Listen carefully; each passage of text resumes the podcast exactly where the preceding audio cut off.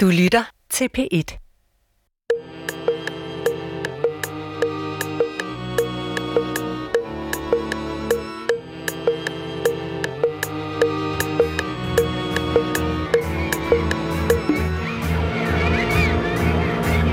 Klokken ringer, timen er forbi. Vi går ned på på hjørnet Nu har vi fri. Mens han tager sin Vilo Vinter kører huk Inger tager en prins Og Bettina ryger nu. Hun er fri. Hun er fri. Hun er fri. Hun er fri. Det var virkelig dødsigt Både i regning og i tysk.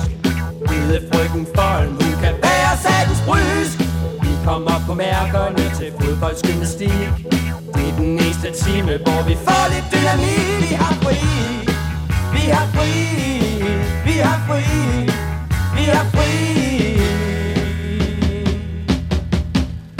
Skolen er forbi Vi har alle fri. Vi smækker vores bøger i. Det er noget vi kan lide. Det er noget vi kan lide. Goddag og rigtig hjertelig velkommen til Hjernekassen på P1. Mit navn er Peter Lund Madsen. Og øh, det, er jo, det, var, det var en falsk meddelelse, vi kom med her i starten, fordi skolen er jo ikke forbi. Skolen den er lige netop startet, det er mandag morgen. Men dengang jeg gik i skole i 70'erne, så var det sådan, vi havde det, når skolen der var forbi. Så skulle vi, ikke mig, men de andre på deres knaller der, og så skulle ned i Nego-hjørnet, og så var der nogen, der skulle ned og ryge luk. Øh, og øh, jeg kan garantere mine børn, at hvis de kom med tilbage til min skoletid, så ville de blive overrasket over så fordærvet et liv, der blev levet som skoleelev der i 70'erne. Der var både rydning og knald og kørsel uden hjelm, øh, og jeg ved snart ikke, hvor jeg skal starte, jeg skal begynde. Og der var også, dengang jeg gik i skole, begyndt at opstå et begreb, der hed mobning. Det kommer fra engelsk, øh, noget med en mob og noget med at drille. Øh, men tilgangen til mobning, det var meget, at hvis der var en, der blev mobbet, og det var der altid, så var det den, der blev mobbet, som ligesom var udgangspunktet for problemløsningen. Øh, og det, vi skal tale om i dag, det er mobning. Vi skal også tale om trivsel i folkeskolen, og i det hele taget, hvordan synet er på det her med at få en folkeskoleklasse øh, til at fungere, og hvordan det er at få hverdagen til at fungere for unge mennesker, som går i folkeskolen i dag. For jeg har på fornemmelsen, at det har, heldigvis vil jeg sige, ændret sig en del fra den tid i 70'erne, hvor fritidssyslerne bestod i at køre på knallert og gå ud og ryge. Øh, det er heldigvis blevet anderledes. Rigtig hjertelig velkommen til Hjernekassen på Peter. Rigtig hjertelig velkommen til dagens tre eksperter, Anne Folke Larsen, Marianne Laflor og Jakob Holm. Velkommen til lytterne. Velkommen til Hjernekassen på P1. Du lytter til Hjernekassen på P1 med Peter Lund Madsen. Og i dag, der skal Hjernekassen på P1 som overordnet tema handle om det, man kan kalde trivsel i folkeskolen. Min første gæst, det er Anna Folke Larsen, senior evalueringsøkonom i Rockwoolfondens interventionsenhed. Jeg har altid et spørgsmål, og jeg har forberedt dig på det, og det er bare ganske kort, du skal svare på det. Det er bare, fortæl, hvis du vil, lidt om dig selv. Jamen, øh, jeg hedder Anna Folke Larsen, og jeg er økonom. Øh, jeg er uddannet på Københavns Universitet, øh, og har lavet en Ph.D. der, hvor jeg har øh, evalueret et landbrugsprojekt i Tanzania. Øh, så jeg kommer sådan egentlig fra en udviklingsøkonomi baggrund, øh, men har specialiseret mig i evaluering. Øh, og nu arbejder jeg i Rockwool Fondens interventionsenhed, øh, hvor jeg er med til at øh, evaluere øh, deres indsatser, eller vores indsatser. Og Rockwool-fondens indsats, hvad er det for nogen? Ja, så måske skal jeg sige lidt om Rockwool Fondens Meget interventionsenhed. Ja. Fordi mange af lytterne kender nok Rockwool Fondens forskningsenhed, Ja. øh, som tit er aktuel, senest med en historie om social arv i uddannelse. Øh, I 2015 der besluttede Rockwool Fondens bestyrelse at øh, starte interventionsenheden, øh, fordi man gerne vil bidrage også med en anden slags viden. Så øh, tanken eller missionen var her at tage hul på nogle af de sådan genstridige samfundsudfordringer, vi har i velfærdsdanmark, og så bygge viden om, hvordan vi skaber forandring, hvordan vi skaber forbedring. Så hvis jeg skal komme med et eksempel på en samfundsudfordring, ja. øhm, så et andet projekt, jeg arbejder på, der kigger vi på frafald på erhvervsskolerne. Så næsten halvdelen af eleverne på erhvervsskolerne, de øh, gennemfører ikke den uddannelse, de startede på. Øhm, og så for at tage hul på det problem, så arbejder vi sammen med praktikere, altså ude i praksis. Folk, der på, underviser. På erhvervsskoler, ja. Øh, folk, der underviser. Øh, og så undersøger vi nye mulige veje at gå. Så I prøver så, simpelthen at finde løsninger på de her ting? Ja, så vi skaber viden om de systemer, som udfordringerne opstår i, og så skaber vi forstyrrelser i de systemer. Vi prøver på at gøre noget andet, øh, og så skaber vi viden om, hvad sker der så, når man gør noget andet, øh, og prøver på at ændre praksis. Og når vi så har øh, ændret praksis øh, på en måde, hvor vi synes, det virker som om, at det her det har potentiale til os at øh, opnå det formål, vi tog udgangspunkt i, så laver vi så en evaluering også, øhm, hvor vi undersøger, om vi har opnået det højere ja. formål, om vi ligesom har fået gjort noget ved den samfundsudfordring, vi tog udgangspunkt i. Det synes jeg lyder som en rigtig god plan. Arbejdsplan. Ja. Og der har I så været i gang med folkeskolen, er det ikke rigtigt? Jo, så øh, vi startede, interventionsenheden startede i 2015, og faktisk det her materiale Perspekt, øh, det øh, er støttet af Rockwool-fonden, men det startede med at blive udviklet før interventionsenheden blev til. Så i 2016 blev det øh, overført til Dansk Center for Undervisningsmiljø, hvor vi også har Marianne med i dag, øh, og, øh, og er blevet videreudviklet der. Men det, det er et undervisningsmateriale øhm, til trivselsindsatsen i folkeskolen, som arbejder med klassefællesskaber, som er 15 lektioner med øh, rollespil og klassesamtaler og sådan noget. Marianne kan nok fortælle lidt mere om sådan indholdet. Så øhm. det, I har sagt til, nu tager jeg det meget firkantet, I har sagt, det problem, vi kigger på, det er klassetrivsel. Og her er nogle ting, som vi foreslår, eller man foreslår, kan måske bedre klassetrivsel klassetrivselen, og det er så det, man har gjort, og man så undersøger dem bagefter, om det har hjulpet. Ja. Det er den overordnede plan. Ja, ja. Og, det, og det er jo blevet udviklet, som man har taget udgangspunkt i nogle øh, materialer, som har vist at have effekt i USA. Øh, og så har man i samarbejde med psykologer og folkeskolelærer og sådan noget, prøvet at se, hvordan kan det her fungere i en dansk øh, kontekst. Øh, øh, og gjort det meget praksisnært øh, ved at udvikle det sammen med folkeskolelærer også. Og praksis, det, det betyder, at det er sådan noget, som giver sig udslag i nogle helt håndtag og håndgribelige ting, man kan gå i gang med? Ja, så det er, øh, når læreren, øh, nu har vi jo også en lærer med i dag, øh, står på gulvet foran eleverne. Hvad skal man sige? Hvad skal man gøre? Hvilke aktiviteter sætter man i gang? Øhm. Og de problemer fra start af, I gerne ville undersøge og gøre noget ved, hvad var det? Eller udfordringer? Ja, øhm, så øh, det, der har været rigtig meget snak om dårlig trivsel blandt elever. Øh, og den gang, hvor ideen til det her perspektmateriale øh, øh, øh, blev udviklet, der havde man jo ikke engang trivselsmålingerne. Så trivselsmål, de første trivselsmålinger er fra øh, 2014. Øh, øh, skoleåret 14-15. Øh, så her øh, der havde man ligesom de her historier, og så er det noget af det, øh, som man har ville tage fat på. Øhm, og øh, det, der er lidt interessant, nu har vi som supplement til den evaluering, vi har lavet af materialet, har vi også undersøgt elevernes trivsel. Øh, og det viser sig faktisk, når man kigger på social trivsel, øh, som bliver øh, målt med de her nationale målinger, så trives eleverne rigtig godt. Og det er national trivsel. Hvad betyder det?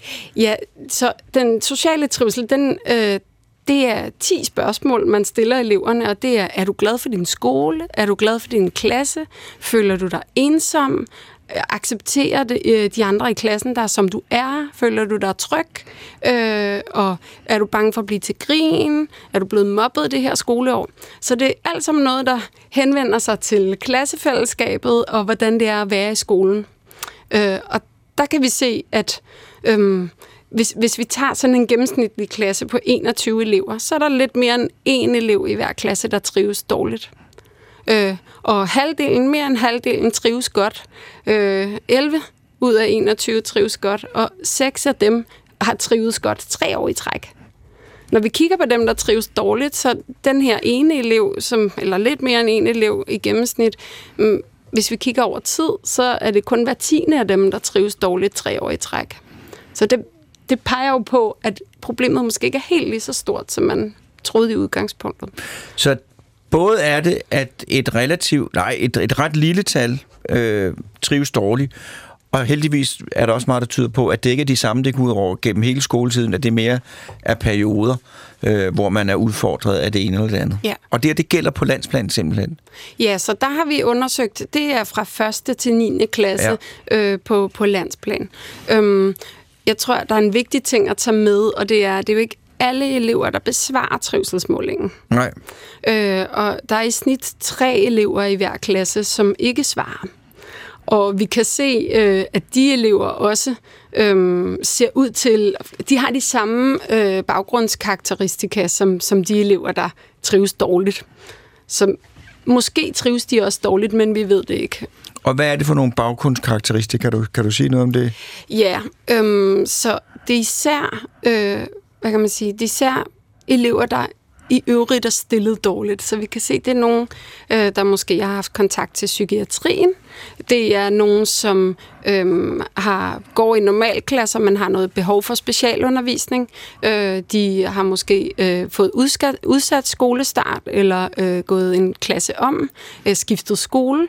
Øh, når vi kigger på forældrebaggrunden, så kan vi også se, det er også elever, som, øh, hvor kommunen har været i kontakt med hjemmet, øh, og øh, hvor øh, der måske er problemer med øh, mors mentale helbred eller fars øh, kriminelle baggrund, øh, og, øh, og også sådan nogle klassiske ting som, øh, Som i sig selv? lavere indkomst, kortere uddannelse. Ja. Som ting, som i sig selv kan gøre livet svært for hvem som helst. Ja, så når man, når man sådan ser det billede, så, så, øh, så siger det i hvert fald mig, at måske det her barn, det stør, de største problemer, det barn har, er måske ikke klassefællesskabet, men der er nogle ting, der stikker dybere. Ja. Øh, og det, det breder sig ud over nogle andre øh, kontekster. Ja. Det her, det var det, som, som man finder ud af, når man starter på målingen. Og så gik I jo i gang med at gøre nogle ting for at bedre klassefællesskabet.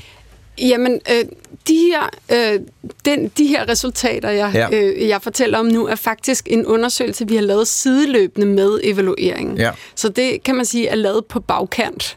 Øh, og det havde jo været fornuftigt at lave sådan en undersøgelse, inden man gik i gang med at udvikle et materiale. Men øh, der er det der, hvor øh, trivselsmålingerne er så nye, så øh, der, der var data der simpelthen ikke. Øhm, så, øh, så man kan sige, øh, de, det, at man samler de her data ind, gør, at det øh, måske bliver nemmere øh, at udvikle noget nyt i fremtiden, som er bedre målrettet. Øh, Men I, I fandt på nogle ting i, i perspekt, som skulle forbedre øh, det, trivslen i klasserne, ikke? Jo, så øh, det, øhm, så det kan være, jeg tror Marianne vil gerne fortælle lidt mere om, hvad materialet øh, kan og, Ja. og tage udgangspunkt i, men der har også været stor efterspørgsel ude på skolerne efter et struktureret materiale til trivselsindsatsen, øhm, fordi der er ikke så mange materialer. Øh, og i, som led i kortlægningen, der har vi undersøgt øh, hvordan trivselsindsatsen så ud på de skoler, der har været med. Øh, og der foregår rigtig mange forskellige ting. Ja. Øh, Kan du give nogle eksempler ja, på, det hvad kan der jeg foregår? godt. Det er øh, arrangeret fællesleg i frikvartererne. Det er øh, en-til-en samtaler med eleverne. Det er øh, klasseaftaler, øh, aftaler, hvor man laver en fælles aftale i klassen. Øh, og sådan nogle ting. Samtaler med forældrene. Øh, så øh, forskellige ting, som ikke har øh, nødvendigvis en målrettet struktur, men som jo har mange øh, gode intentioner i sig. Øhm, og øh, det, det, det tegner sådan et billede af, at der er rigtig, der foregår rigtig, rigtig mange gode ting ude på de danske folkeskoler, og når man så ser det i lyset af, når vi måler elevernes trivsel på den her måde, så ser det faktisk ud til at gå rigtig godt. Så er det egentlig sådan, jamen den sociale trivselsindsats i folkeskolerne i dag, øh, ikke i 70'erne, men, men sådan som det ser ud i dag, at der er man måske nået rigtig, rigtig langt. Så du sidder og roser de danske skolelærer nu? Øhm, ja, det gør jeg egentlig. Ja. Øh, at, øh, at jeg tror, der, der er sket rigtig meget øh, over de sidste 10-20 år. Øhm, I retning af at få skoleklasser til at fungere, få folkeskoletiden til at være en tid, hvor man kan vokse som menneske, Ja. og som man ser tilbage på, også socialt til med en stor glæde. Ja. Hvordan undersøger I det her? Jamen, øhm, ja, vi har evalueret det her undervisningsmateriale Perspekt, øh, og den måde, vi har gjort det på, er, at vi har evalueret Øh, først, om vi er lykkes med at ændre praksis. Altså, har de brugt materialet derude, øh, og øh, er, øh, har de taget godt imod det, er det blevet brugt på den måde, det var tiltænkt. Og så har vi undersøgt, øh, om man har opnået det højere formål, altså har man løftet elevernes trivsel. Ja. Øh, og den her første del, der handler om, har vi ændret praksis, øh, det er Dansk Center for Undervisningsmiljø i samarbejde med VIVE, det Nationale Forskningscenter og Analysecenter for Velfærd, der har lavet den undersøgelse. Øh, men undersøgelsen af, om vi har rykket, om det her materiale rykker trivselen, øh, det har vi lavet som et lodtrækningsforsøg øh, i øh, samarbejde med Marianne Simonsen, fra, som er professor i økonomi på Aarhus Universitet. Øhm, der har vi lavet et lodtrækningsforsøg.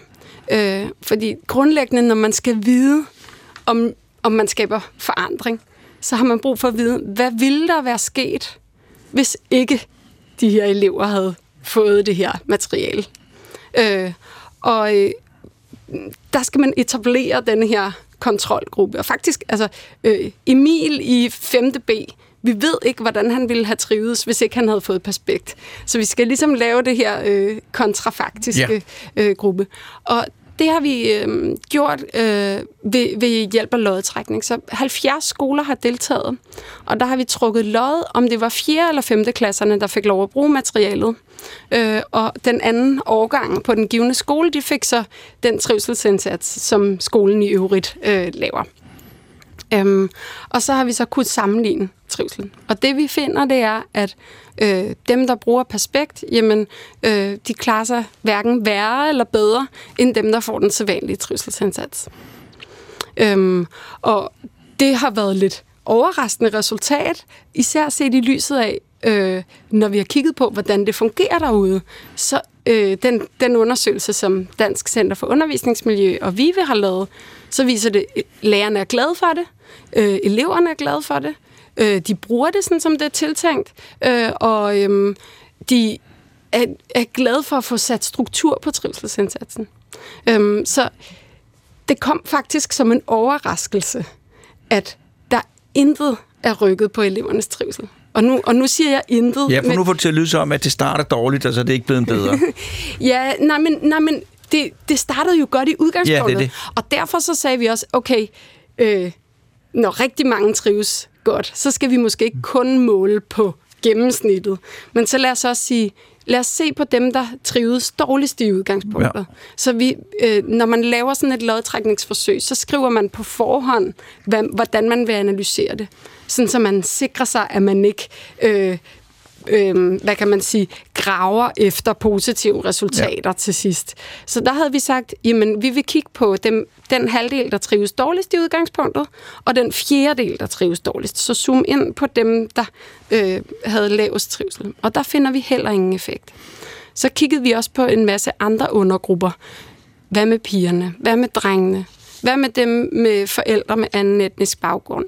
Hvad med dem, som har forældre med kort uddannelse? Ingen af de her undergrupper øh, kunne vi se effekt.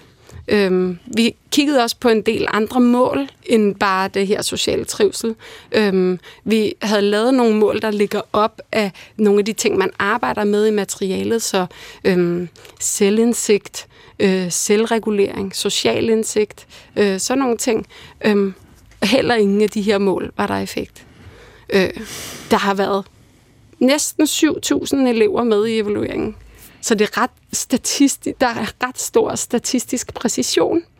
Øhm, og øh, man kan sige, det, det er på en eller anden måde lidt interessant. Hvorfor tror du, det er sådan? Jamen, jeg, jeg tror, det er sådan, fordi at man har skulle, punkt 1, løfte fra et niveau, der i forvejen var højt. Der foregår en masse ting derude, som er gode. Øh, punkt 2, fordi at dem, der trives dårligt, det er nogle andre problemer end lige det, der foregår i klassen, som fylder rigtig meget for dem. Øh, så det er noget bredere, der skal til. Og der, øh, det, det, der, det, som jeg synes er vigtigt og spændende her, det er også, hvis ikke vi havde lavet en grundig effektevaluering, hvis ikke vi havde trukket lod og lavet det her, den her store undersøgelse, så havde vi troet, at sagen var klar, øh, fordi modtagelsen har været så god derude. Og så havde vi glemt, måske, at den her gruppe, som ikke trives, stadig ikke trives, og at øh, glemt, at der stadig var et arbejde at gøre med dem. Så konklusionen er, at det går godt med trivselen i den danske folkeskole. Ja. Og øh, de metoder, I bragte i spil, det var noget, lærere og elever var glade for, men det ændrede ikke på de målbare, den målbare trivsel, trivsel, og det måske formentlig er fordi, at dem, der har det dårligt i folkeskolen i dag, for en stor dels vedkommende har det dårligt på grund af noget, der ikke har så meget med folkeskolen at gøre. Ja. Ja. Tusind tak. Vi kommer tilbage til dig, men nu skal vi have en jingle. Lytter til Hjernekassen på P1 med Peter Lund Madsen.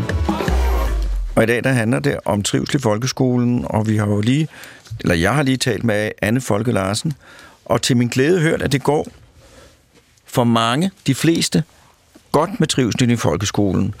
Øh, og øh, min næste gæst det er Marianne Laflor, udviklingskonsulent i Dansk Center for Udviklingsmiljø, DCUM. Undervisningsmiljø. Ja, yeah, hvad sagde jeg? Udviklingsmiljø. Udviklingsmiljø, det er jo simpelthen... Jeg kan ikke engang læse. Jeg må tilbage i folkeskolen. Dansk Center for Undervisningsmiljø.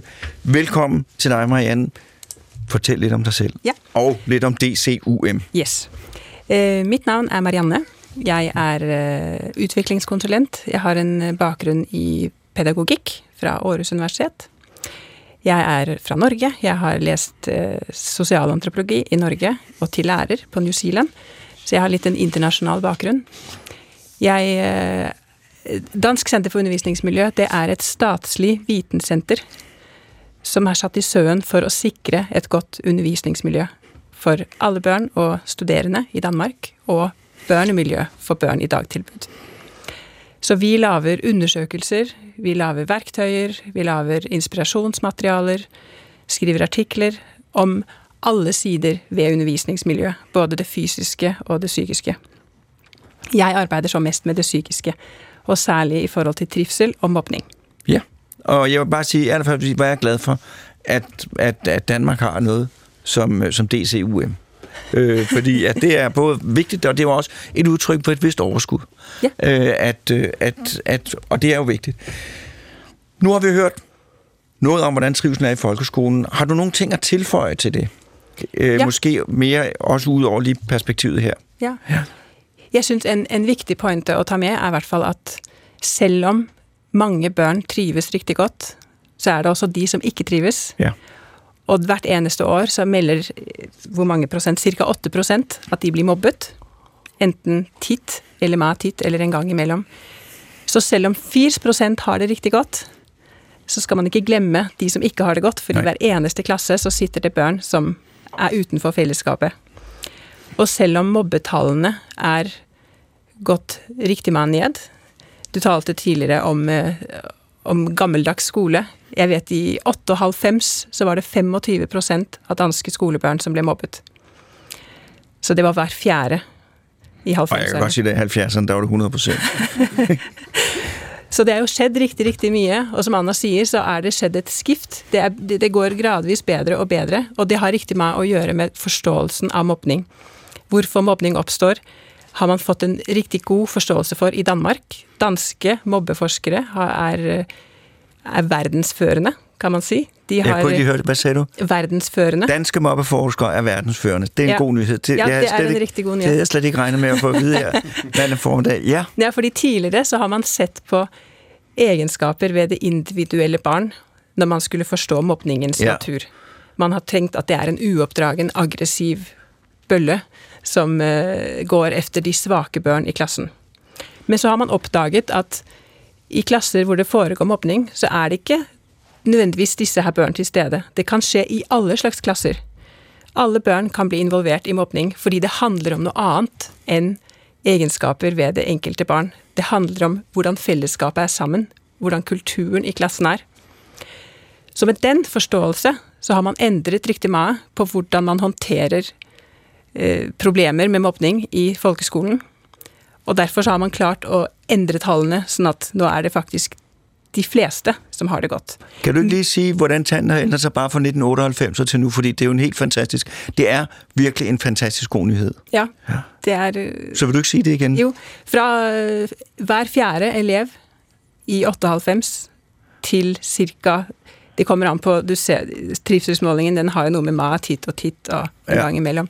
Men 8% cirka blir mobbet enten en gang imellom eller mere Ja. i dag. Men det som jeg synes er veldig interessant i det her, det er noe som i noe annen forskning kalles for the healthy context paradox. Det vil si at hvis man er den eneste som blir mobbet i en ellers god klasse, så kan det føles verre enn hvis hver fjerde elev har det skitt.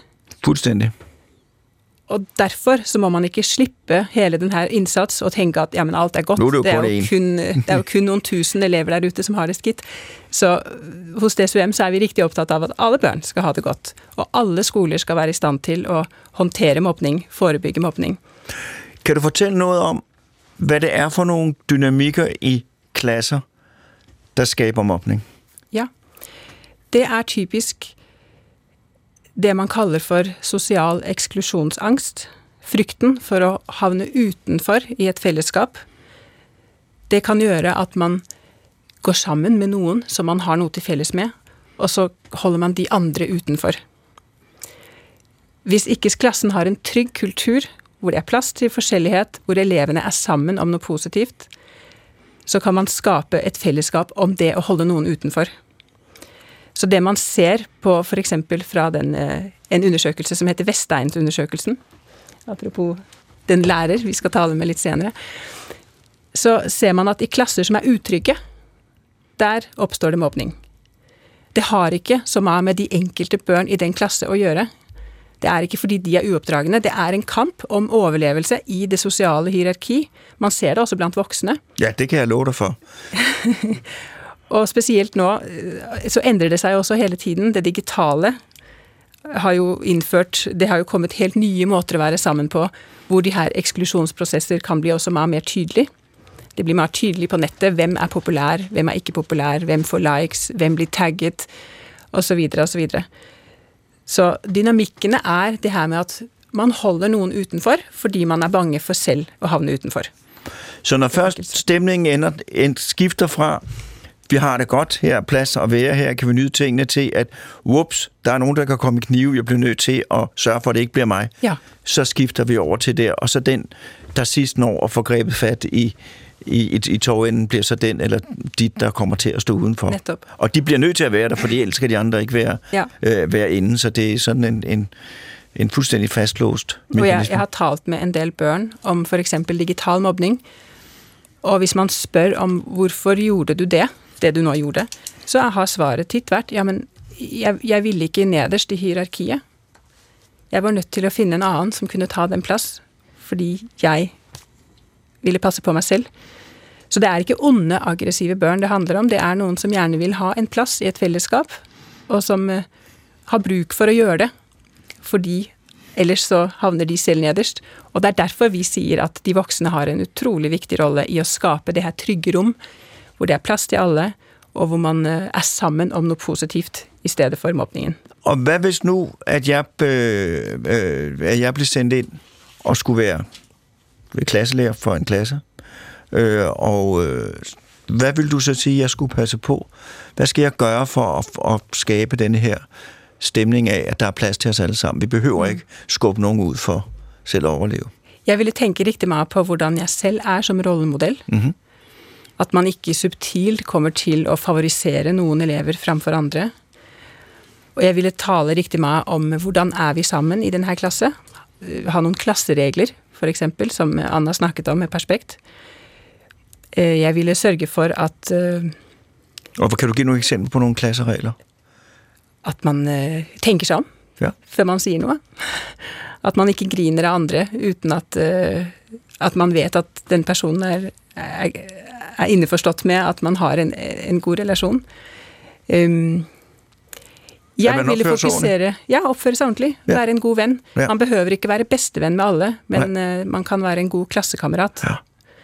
Og foreldrene har jo også en viktig rolle her i å invitere bredt til fødselsdager, Ja, skrive godt om andre på nettet, ikke tale dårlig om andre foreldre der hjemme over aftensmaten. Jamen, det er jo lidt smukt, synes jeg, øh, det her, fordi at, at hvis nu skal tage det helt store perspektiv, så må jeg sige, at øh, menneskehjernens største kunst, det er at få sociale fællesskaber til at fungere. Øh, og det er jo ikke fra start af lagt til rette i at få skabt en skoleklasse, hvor alle har det godt. Det var fra starten af lagt til rette til at få fællesskaber til at overleve. Øh, og derfor så er der jo indført en masse sociale dynamikker, som jo har kørt uforandret, uden tvivl siden stenalderen. Øh, og der, hvis jeg jo hører om min mors skolegang, for eksempel, og så min egen, men altså min egen er meget forskellig fra min mors, den er tættere på mine børn, så er det jo alligevel bare i den her, i et stort sammenhæng, korte tid, jo en rejse frem mod, at vi løfter os op over de her øh, øh primitive udskamningsting, øh, ting, som har, til, øh, som har som resultat, at der er en hel masse mennesker, der lider, til at man virkelig løfter sig op over det. Og det, som I jo underviser i, det er jo simpelthen at lære hinanden, hvordan, hvordan kan vi alle sammen have det rart her. Lære at opføre os ordentligt, øh, for at vi alle sammen kan have det rart. Og det er jo igen en luksus for menneskeheden, at vi nu har fået overskud til at beskæftige os med ikke bare at overleve, men også sørge for, at så mange som muligt har det rart, mens vi overlever. Øh, så, så øh, er det blevet bedre nu, end det var i 70'erne, eller måske i 1998? Bliver det bedre? Det er jeg helt sikker på at det gør. Og det er utrolig mange dygtige lærere og skoleledere i Danmark som har stort fokus på det her. Så, og det er også kommet regler faktisk for hvordan mobbning skal håndteres i Danmark. Det kom det i 2017. Så nå er det, tanken er at man skal ha en systematisk innsats, og man skal ja, reagere på en bestemt måte hvis det foregår. Og hvad skal man gøre, hvis det foregår? Hvis jeg er skolelærer, og de begynder at, at, at, at mobbe, altså man kan mærke, at den der stemning begynder at brede sig. Ja. Øh, hvad, hvad, hvad gør jeg så? Da skal du undersøke hva Ja. handler det her om. Tale med elevene, observere, tale med foreldrene. Hva, hva handler det her om? Hvorfor, hvilken dynamikk er det som er oppstått her? Sånn at man kan sette inn med noen handlinger som kan rette opp på det. Men der vil jeg jo sige, nu er jeg jo kun været læge, men der vil jeg sige, der var rigtig mange mennesker, jeg har mødt som læger, som ville være meget dårlige til at, lave, til at, at, at kunne regne det her ud. Det kræver en høj grad af social kvalifikation Ja. at kunne analysere, hvad der foregår i en klasse, og kunne se det. Det kræver, kan, kan alle det, er det, og hvis man ikke er så god til det fra start, er der så noget, man, har man sådan nogle redskaber, man kan bruge? Ja, DCOM har jo noen redskaper liggende som, på vår hjemmeside som Ja. man kan bruke. Og jeg er helt enig i at det er jo ikke noe som er nevnt. Sånn, Nej. Og det er heller ikke noe man får gjennom lærerutdannelsen, nødvendigvis. Så en av mine kjepphester er jo at det her burde bli øh, obligatorisk på lærerutdannelsen. At man lærer seg å observere sosialt samspill og ta temperaturen på det sosiale jevnlig. Og også få, altså det tror jeg, der er rigtig mange, der kunne, altså også få nogle konkrete, altså ikke, så gør du så, men nogle retningslinjer for, hvil- hvilken retning man skulle arbejde i. Mm. Fordi, nu sidder jeg, nu må du rette mig, hvis jeg tager fejl, men det her, også kroner og øre, har jo en enorm betydning.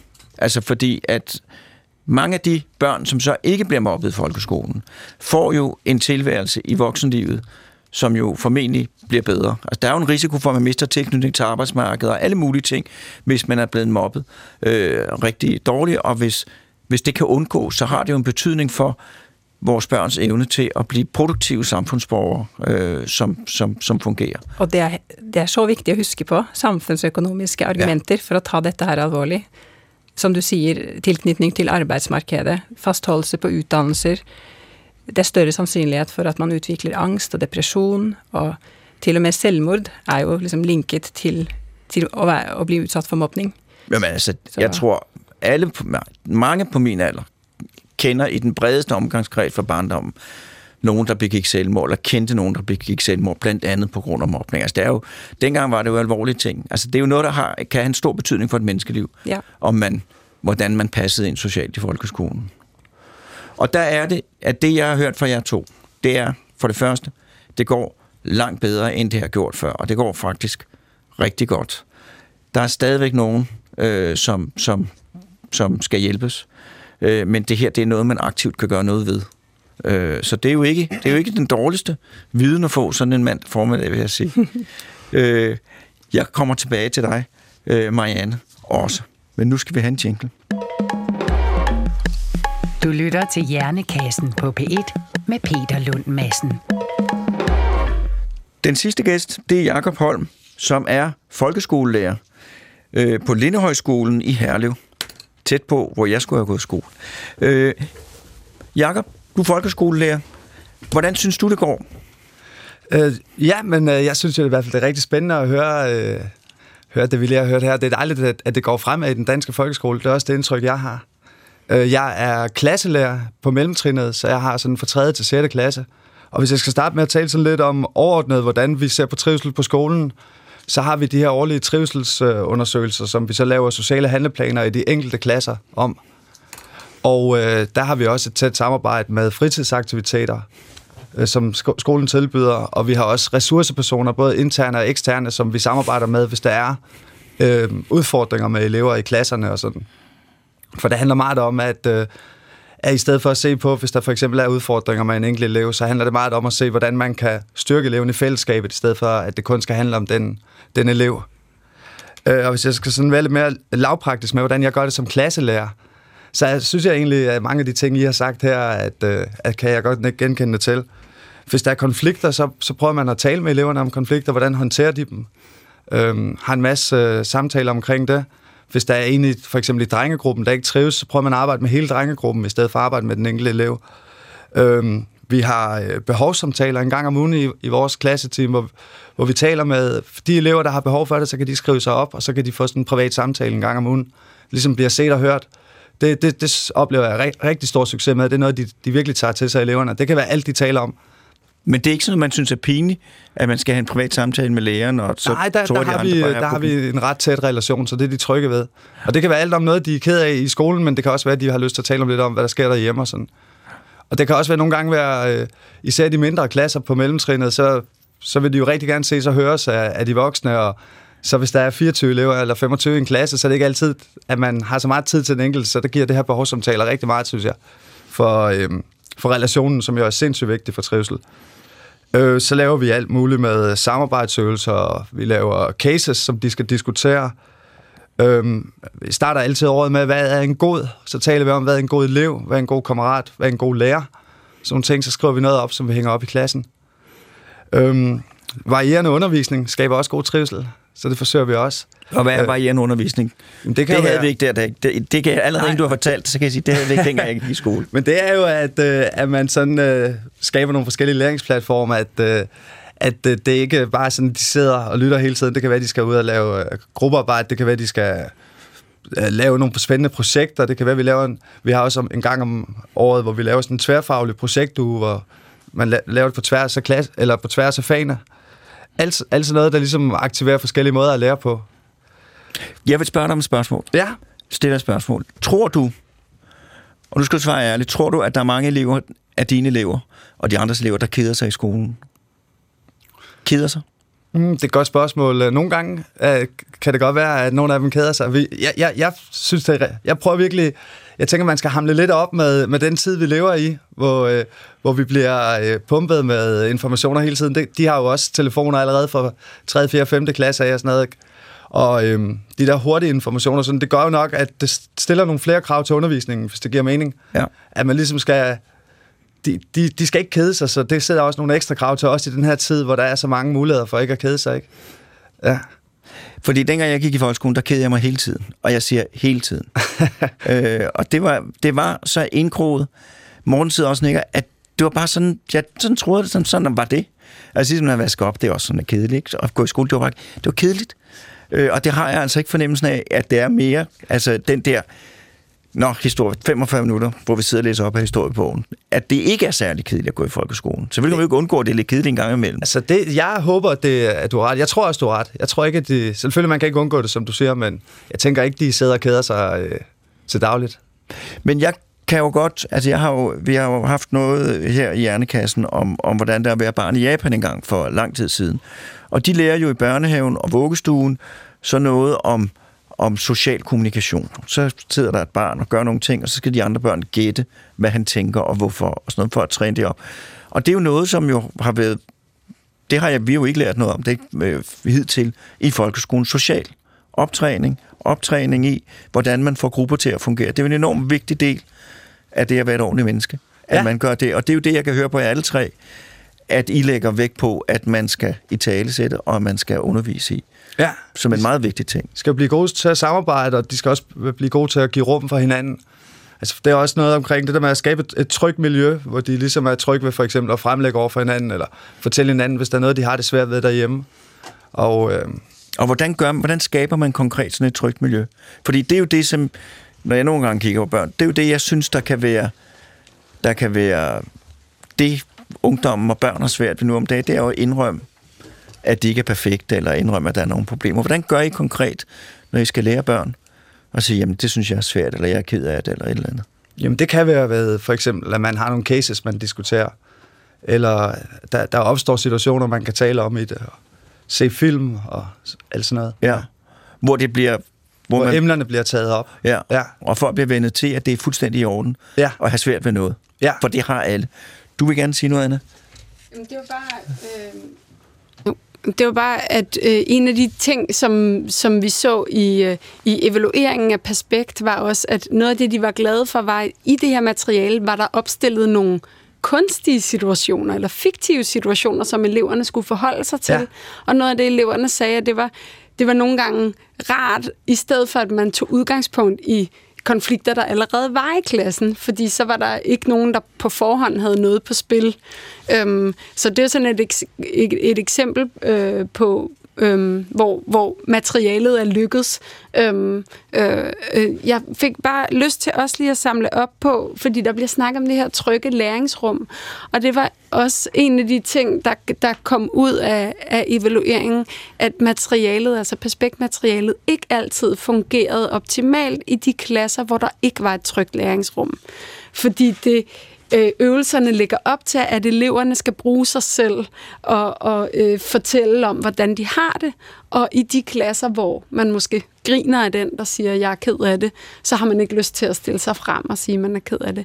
Så det er måske et eksempel på, hvor perspektmaterialet ikke helt er lykkedes, og, og noget af det, der også bakker op om, om det, Marianne siger er vigtigt, det her med, at det er at skabe det trygge læringsrum øh, øh, sammen. Ja. Um, Jakob? Ja, jamen, det er meget enig i. Det, Og, det, og hvad er et trygt læringsrum, læringsrum for dig? jamen, et trygt læringsrum, det er for eksempel, at man, man tør at fejle, når man fremlægger. Ja. Og det er, at man tør at fortælle, gå op og fortælle, at nu øh, er ens morfar blevet syg, så det kan være, at, man, at hvis man virker lige lidt stille og sådan noget, så er det altså ikke, fordi man er sur på de andre i klassen, så er det, fordi man er lidt ked af det. Og, øh, og det er i det hele taget at skabe det der, ska- skabe ja, et, trygt, et trygt miljø, hvor, vi, hvor man føler, at man, øh, man tager sig af hinanden og passer på hinanden.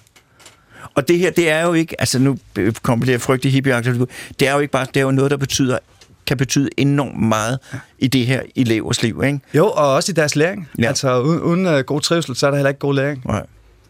Så det her, jeg har jo længe tænkt på, at det burde være et fag for folkeskolen, og nu er det blevet det der med at lære at tabe ansigt øh, i vores brede, fordi ja. det er simpelthen noget af det bedste. Øh, hvis man har tabt ansigtet, så, så kan man slappe af. Øh, og alle kan slappe af, øh, når, når, der- når der er et trygt læringsrum. Det er øh, men øh, så øh, oplever du også, at der, at der er nogle elever, som, som er svære, ikke at hjælpe, men at få med nogle gange. Altså, der er jo, elever har jo mange forskellige forudsætninger. Også i de her coronatider, øh, når de kom. Nu har vi lige fået 3. og 4. klasserne tilbage. De har jo haft vildt forskellige forudsætninger derhjemme, og øh, det giver jo ekstra udfordringer til, hvordan man skal tænke trivsel ind i sådan en periode. Vi har sådan en tre, tre ugers indkørs, indkøringsperiode, hvor trivsel er foran faglighed, fordi man skal til hver en tid kunne være parat til at, at droppe det, man har planlagt for dagen, fordi man kan se, okay, nu skal vi lige lave noget andet og sådan. Og, og øh, jeg oplever bestemt, at der, at der er elever, der, der har, kan have, have det sværere end andre øh, på forskellige tidspunkter også. Ja, fordi det tænker jeg på faktisk i går, at øh, dem, der har været hjemme på skolen, der er nogen, der har været hjemme hos forældrene, der har lavet et stort øh, forkromet undervisningsmiljø ja. hver dag og ude og rode i jorden og finde dyr op. Og så er der nogen, som øh, har været på arbejde og ikke har haft mulighed for på samme måde. Så der må jo opstå ja. nogle store forskelle nu Kæm- her. Kæmpe forskelle, og så er der også bare nogen, der har meget, meget svært ved at sidde hjemme foran en computer eller foran øh, et hæfte, ja. øh, end andre, som måske øh, synes, det er, det er da meget hyggeligt at sidde herhjemme øh, med dynen over mig eller noget. Og, og det, det, er bare, øh, det, det giver bare virkelig ekstra udfordringer den tid her til at, at prøve at have øje på, hvor er de forskellige elever, og, og gøre en masse for, at alle, alle stadigvæk trives og, og har det godt. Og tror du, at nogle af de, for der må jo komme nogle elever tilbage, som er kommet bagefter, øh, tror du, det kan nå at blive indhentet? Eller tror du, ja, det, Nu har jeg jo mellemtrinnet, ja. øh, så det er det, jeg udtaler mig frem. Ja. Det, det, det vil jeg helt klart mene, det sagtens kan. Så, så det skal nok gå, men det ja. kræver en, en, en, en målrettet ekstra indsats. Ja, og der er det første, man skal have på plads, det er, at alle trives godt. Øh, fordi man, man skal ikke bare køre på og tænke, oh, nu, nu er vi bagud, så nu kører vi hårdt på øh, fagligt fra dag et. Det vil være en helt fejlslagen indsats. Øh, skolen har også haft meget fokus på, på bekymringsbørn, øh, og det kunne både være børn, man var bekymret for af forskellige årsager, man, man havde blik på i forvejen, men det kan også være nogen, der simpelthen bare er svært ved at være hjemme i sådan tid. Så vi har hele tiden haft elever på skolen i, i hele den her corona-periode her, ja. Så der har været nogle elever, som ja. simpelthen har... Øh... På, på alle klassetrin ja. har, vi haft, øh, har vi haft elever, hvor man har tænkt, det er altså bedre, de er på skolen, og så har man fundet en måde, at det kunne øh, lykkes på. Ja. Vil du, du ser ud, som du vil sige noget, men er det bare mig? Jeg kan lige indskyde, det kræver også et rigtig tæt samarbejde med forældre. Ja. Både, både normalt, men også i de her coronatider, så man hele tiden kan tale om, hvordan har de det derhjemme og sådan. Og hvordan, altså samarbejde, jeg har jo været til forældremøder på Frederiksberg, øh, og de kan jo være meget langvarige, sådan nogle forældremøder på Frederiksberg. Hvordan er det at, for, at samarbejde med forældre? Kan det, være, kan det ikke være... Kan, jeg kunne forestille mig, at der kunne være nogle forældre, som var meget interesserede i at samarbejde omkring deres børn, og så nogen, der ikke var så interesserede i det. Ja, det er jo ligesom med eleverne i klassen, alle er jo forskellige, ja. så det er helt klart også øh, forskellige øh, sådan, øh, forventninger og, øh, og behov, de har forældrene. Men det skal man jo selvfølgelig også kunne navigere i som lærer. Så har vi jo også øh, altid øh, trivselsforældre i en klasse, som er med til at arrangere alt muligt, som også fremmer trivselen i en skole, for eksempel øh, julebanko, eller havefest, eller hyttetur og sådan nogle ting. Så det er, altså forældresamarbejdet øh, skal man ikke underkende, det er rigtig vigtigt. Og hvad med, hvad med fritidsordninger og alt sådan noget? Ja, det er også, øh, altså dem har vi også tæt dialog med. De, de pædagoger, der ser dem efter skole, og sådan, de, de ser dem jo i andre kontekst. Så især i, i de mindre klasser, der, der er det også øh, nogen, man har møder med om, i teamet og sådan. Men nu hørte vi jo en positiv historie fra de to første gæster. Er det noget, du kan genkende i dit daglige arbejde? Ja, ud fra, at, hvis jeg skal tale ud fra, fra det, jeg oplever i mine klasser, så, så er det det, jeg kan genkende, ja. At det går faktisk, og man kan gøre nogle ting. Og man, altså, fordi det her, det er jo også, det er jo også noget, hvis nu man sidder og tænker på, hvad skal jeg være, når jeg bliver stor? Så sidder jeg og tænker på, at I har på hver jeres måde en mulighed for virkelig at påvirke livsbanen for en masse mennesker. Ja. Altså, det er jo ikke, det er jo ikke noget ligegyldigt arbejde at være skolelærer. Ej, det er jo et stort privilegie, og også, jeg elsker ordet demokratisk dannelse, og folkeskolen har jo mange fokusområder, som jeg, som jeg synes er dejligt at være med til at forme dem. Og hvad er det for nogen, for eksempel? Jamen, det er jo for eksempel det med at prøve at give dem nogle gode værdier til, øh, hvordan man bliver en god, øh, god borger. Ikke? Altså, det handler jo ikke kun om faglighed. Øhm, jeg, jeg kan huske, lige da jeg begyndte på læreruddannelsen, der, der kom jeg lige fra militæret, og der skulle man stille sig i det hjørne i klassen, hvor man synes, hvad det vigtigste var for, for folkeskolen. Og jeg var den eneste, der stillede mig det hjørne, hvor det handlede om at konkurrere med kineserne. Ja. og det, og det, der gik ikke ret lang tid, så fik jeg øjnene op for, at det var jo slet, slet ikke det, der var det vigtigste ved folkeskolen og sådan der. Det har modet mig meget over efterfølgende. Og det er noget af det, jeg elsker ved at være lærer, det er jo det der med, at man ikke kun, det handler ikke kun om faglighed, men det handler også om at ligesom prøve at være med til at forme dem og give dem nogle gode værdier, som, som det danske samfund står for. Så hvorfor, John, vil du så stille dig i dag? Jamen det er, det, er, det må være trivsel og demokratisk dannelse og sådan noget, der er i top, og så kommer fagligheden øh, automatisk, når alt sådan noget er godt. Ja. ja. Var nu, vil du sige noget, Marianne? Ja, jeg vil bare sige, at jeg synes jo det at være lærer er jo et av verdens vigtigste jobs. Det er jo en kæmpe påvirkning man har på rigtig, rigtig, rigtig mange børn. Så ja, det er jo fantastisk at høre at de fokuserer nå på trivselen fremfor at prøve at indhente all den læring. Fordi som du siger, hvis man ikke trives, så lærer man heller ikke. Ja.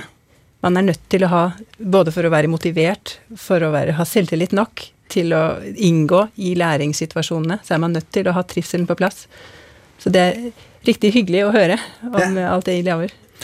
Jeg kan også sige en anden ting. Dengang jeg var i USA og forske, øh, der kom jeg jo fra den danske folkeskole og sådan et uddannelsessystem, hvor man også er lidt opdraget til at være lidt kritisk, eller i hvert fald ikke noget bare det læreren siger. Øh, og, øh, og kineserne og japanerne, de havde læst alle artiklerne, og de kunne slå mig altså med længder i forhold til faglig overbygning. Men det jeg kunne, og det de andre kunne, der kom fra Danmark, det var, at være enormt god til at sige, altså nu lige selv lige teste, om det der passer. Den der, øh, den der selvstændige tilgang. Ja. Og jeg havde en vejleder, som forlangte, at jeg skulle lave noget, der var idiotisk.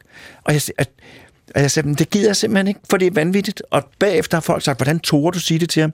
Jeg er ikke særlig modig.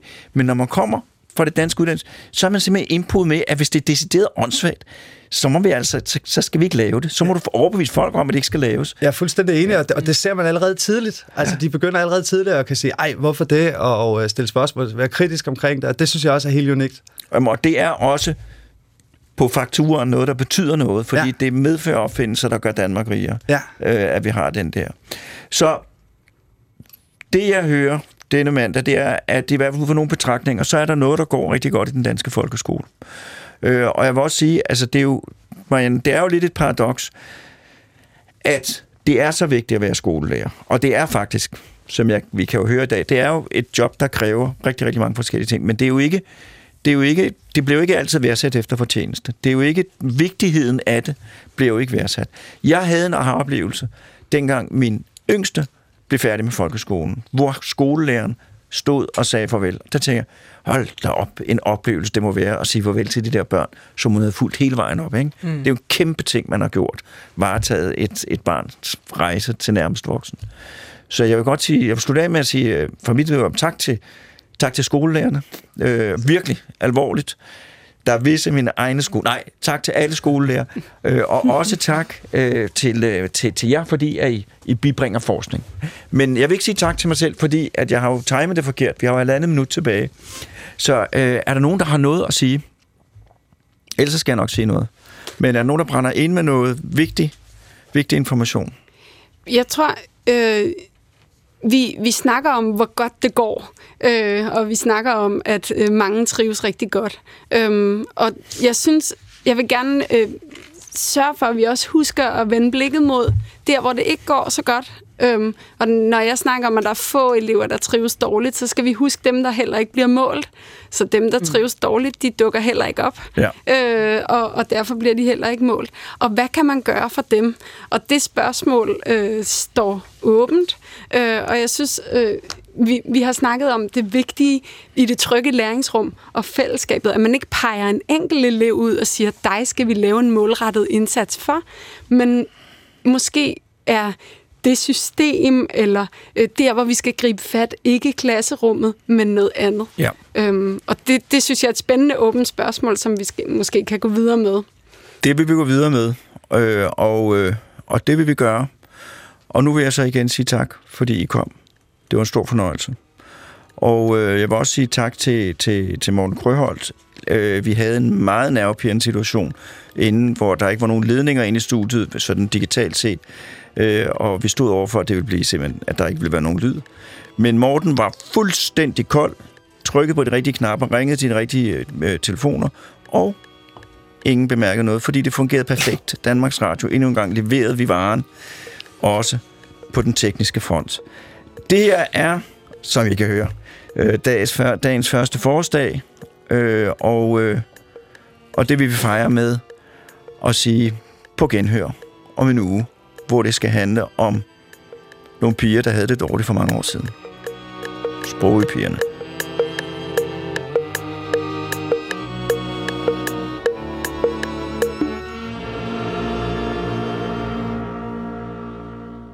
Hør flere podcasts fra P1 i appen DR Lyd.